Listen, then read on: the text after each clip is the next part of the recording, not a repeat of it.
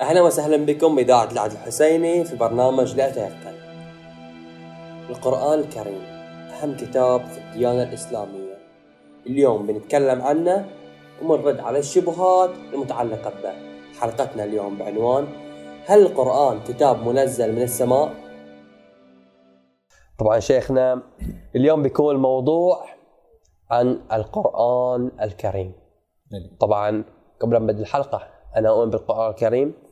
والأسئلة اللي بطرحها من باب أولا لأتيقن ثانيا عشان إذا في شبهات عند المستمعين يتعرفون عليها ويصكون بابها في نفس الوقت. تمام.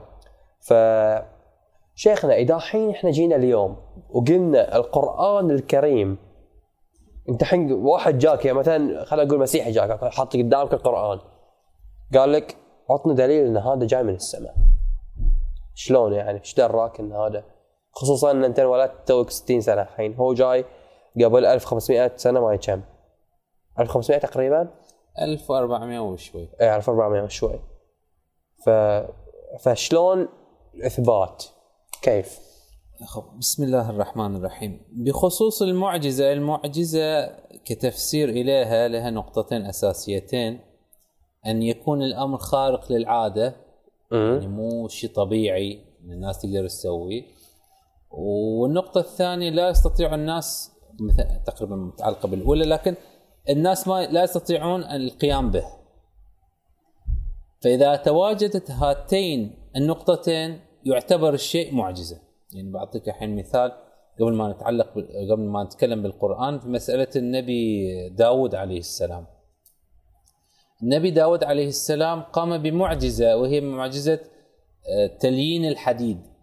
من الحديد وهو حامي يجي إلينا وشكله ويسوي به دروع. النبي عليه السلام كان عمله تشكيل الدروع. فأولا أمر خارق للعادة. حديد وهو حامي بإيدك تشكله تسويه بطريقة معينة، اثنين ما حد يقدر يسوي مثل هذا الأمر. إن تشكل الحديد وهو حامي بإيدك. النبي عيسى عليه السلام معجزاته منها أنها كانت يحيي الموتى بإذن الله. طبعا. ويبرئ المرضى بأمراض يعني مستعصية في ذاك الزمن.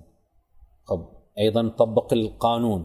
هل هذا العمل آه، يعتبر خارق للعادة؟ إحياء الموتى. خارق للعادة. طبعا بإذن الله في كله بإذن الله. اثنين هل يستطيع الناس العاديين القيام به؟ مستحيل. يقدر يسوي. نأتي شوي نتسلسل ونأتي إلى نبي إبراهيم عليه السلام. طبعا من معجزاته مع أن قومه ما ما شو اسمه ما آمنوا به.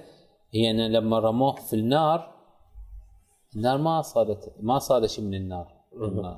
قوم قوم خلوه يا نار كوني بردا وسلاما بارك الله فيك. فهذه معجزة طبعا. النبي عيسى عليه السلام قومه كانوا معروفين بالطب.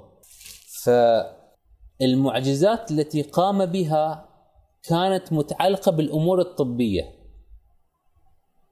حتى يبين إليهم ترى أنتم تعرفون هالأمور صح. لكن شوفوا أنا بسوي هالشغلة. يلا الحين خلونا نشوف في أحد يقدر يسويها. كانوا معروفين بالطب لكن هو قام بإحياء الموتى. زين يلا احيي الموتى. طبكم كامل في البحر. في البحر. قوم النبي داود كانوا معروفين بالصناعة ما صناعة؟ يلا الحين النبي داود يسوي الحديد بإيده وهو حار يسوي بدروع بأشكال قوية. يلا أنتم يلا نشوف. في شيء هم يستوعبونه عدل ويفهمونه. بالضبط. هم في مثل ما ذكرت في شيء هم قاعدين يتعاملون فيه يمارسونه وممتهنينها وموصلين درجات عليا. فيجي الشخص يكسرها. ويكسر ويجيب شيء خارق للعادة.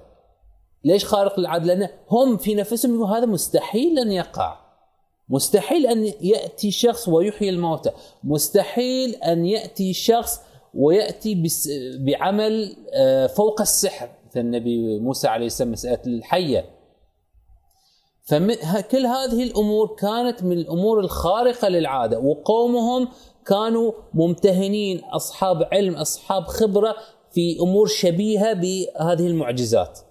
فلما أتوا بها أتوا بهذه المعجزات انبهروا دلاك فتشوف السحرة في قصة النبي موسى كلهم خروا سجدا لأنهم هم أصحاب الشغله أصحاب العمل. يدرون. يدرون إن هالشغلة مو سحر عادي مو طبيعي. فقالوا هذا خلاص إحنا آمنا بربي موسى. خلاص انتهى الموضوع. مسألة النبي عيسى كذلك مسألة بقية الأنبياء كذلك. النبي محمد هل المسألة كذلك أو لا؟ نعم. المعروف عن العرب سابقا والى الآن إنهم آه، مشهورين بالفصاحة وقوة اللغة. اللغة العربية كانوا حتى مشهوره يفتخرون باللغة وبالقصائد بالضبط. المعلقات بالمعلقات. كل هذه الأمور العرب كانوا معروفين بها. أقوى اللغات أفصح اللغات. بس توضيح للجماعة المعلقات هي قصائد مشهورة علقت على كعبة. على أستار الكعبة. ل- لفصاحتها يعني. فالنبي محمد صلى الله عليه وآله انولد في هذه البيئة فكان لابد أن يأتي بالشيء هم واحد معروفين به أقوياء فيه اثنين يأتي به ويكون درجة فوقهم مراحل. بمراحل لا يستطيعون الوصول إليها. وهم أصحاب اللغة يقولون هذا مو شيء طبيعي. مو شيء طبيعي. مو شيء طبيعي. فالله سبحانه وتعالى بعث أو آه، قام يعني آه، شو اسمه أنزل القرآن. القرآن يا طويل العمر لما نزل خب النبي محمد صلى الله عليه وآله قام بالدعوة السرية أول شيء. بعدين شوي شوي صارت شبه جهرية قبل ما تصير جهرية كلها. بعض المشركين اللي كانوا يعاندون النبي كانوا سرا يستمعون إلى القرآن. سرا كانوا يستمعون إليه وهم مثل ما نقول كأن يحطون إيد بإيد يقول هذا مو طبيعي الكلام هذا. فتخيل يجي لك شخص هو معروف إنه ال- الموصل المرحله العليا في مجاله وأنت تجيب شيء أقوى منه ويجي لك بشهادة منه يقول لك هذا مستحيل هذا مو شيء طبيعي. أنا أعترف بأن هذا مو شيء طبيعي. هذه شهاده إلى أن هذا العمل معجزة. معجزة. إن هذا العمل واحد مثل ما ذكرنا في من ساعة أبو علي. لا يستطيع الإنسان العادي القيام به. إيه. اثنين خارق للعادة. تمام. ف فقصدك ان إنه تتوفر فيه خواص المعجزة. نعم. تمام. بس هنا يجي المشكلة إن إذا واحد ما يعرف عربي. اولا ما يعرف عربي. ثانيا في زمننا إحنا إحنا مو متذوقين للغة مثل اللي قبلنا. صحيح. نستخدم اللغة العربية الدارجة. فكيف نرى الإعجاز في القرآن في زمننا الحالي يعني؟ إعجاز القرآن خب الحين كانت ذكرت نقطتين أبو علي بس مسألة الإعجاز خب إذا أحد يعتقد إنه يقدر إن يأتي بشيء مثله مثله وليس من فص من شبيه بالفصاحة في فرق الان بين المصطلحين.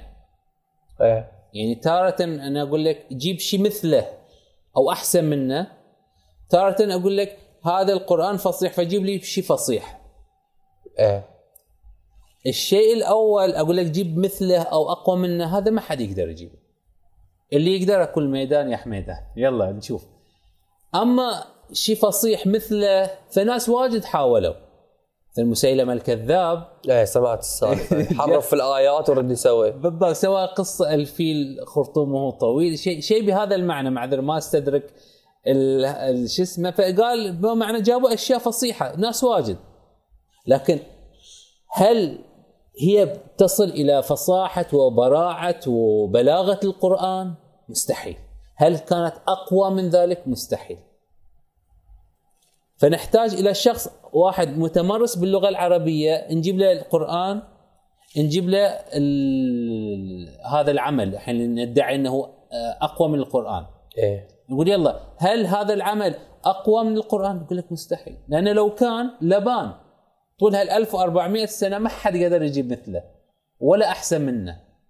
لا من المشركين ولا من الدول آه، اللي دخلت الاسلام، لأن ما حد قدر يأتي بشيء من ذلك. البعض نعم ادعى بأن القرآن ليس بمعجزة، نقول يلا جيب مثله. طب إحنا أساس المعجزة أن لا يستطيع أحد القيام بمثله أو بأقوى منه. إيه فيلا جيبوا ما حد جاب فاي نتعلق بعدين بالنقطة الثانية ذكرتها أبو علي أن الحين المسل... لغير متحدثي اللغة نعم غير متحدثين باللغة العربية هذول وش يسوون؟ وبيتعلمونها عادي. يتعلمون اللغة وشيء طبيعي يتعلموا يعني يستفيدوا من القرآن. أوكي. فاحنا إحنا اللي صار إن في شرطين للمعجزة. الأولى انها تكون خارقة للعاده والثانية لا يمكن لأحد الإتيان بها, بها أو بمثلها حتى. إنزين فالقران معذرة إتيان بمثلها أو أقوى منها. إيه. يعني لما نقول مسألة الطب في ناس واجد متمارسين في الطب. يقول يلا أنا بعد سويت عملية جراحية. هذه معجزة. أقول لك لا جيب معجزة مثل اللي جابها النبي عيسى مثلا أو أقوى منه. جيب يا إنك تحيي الموتى أو إنك تسوي شيء أقوى من إحياء الموتى. بلى. فهذا. شيء من نفس المستوى أو أعلى. أو أعلى اي إيه. ف فإحنا صعب إذا إحنا صعب عندنا التشخيص إن إن هذا المستوى في اللغة العربية في القرآن فالمعجزه الرئيسية في ال- في القرآن الكريم هم هي معجزة معجزة لغة وفصاحه فصاحة وبلاغة. وبلاغه نعم. أوكي. فإحنا صعب نشخص بصفتنا ما نعرف اللغة فنروح الموضوع الثاني واللي هو الإتيان بمثله. ما نقدر نجيب مثله. ال... كيفية صعوبة التشخيص أبو علي حاليا يمكن إحنا ما نقدر. بس قبل 1400 سنة كانوا يقدرون. كان لنا قبل 1400 سنة كان كان واضح للكل ذاك الوقت إي بس. الحين مو واضح لل- للقلة بس. آه، للقلة لأنهم ما قاعدين يقرؤون عن الكثرة اللي كانت موجودة. لأن إحنا مثل ما ذكرت أبو علي إن قبل 1400 سنة العرب كانوا في أوج الفصاحة أوج القوة قوة اللغة. فلما نتعرض إلى التاريخ نشوف ما حد من ذلاك اللي أقوى شيء في- يعني أقوياء في هذا المجال ما حد منهم قدر.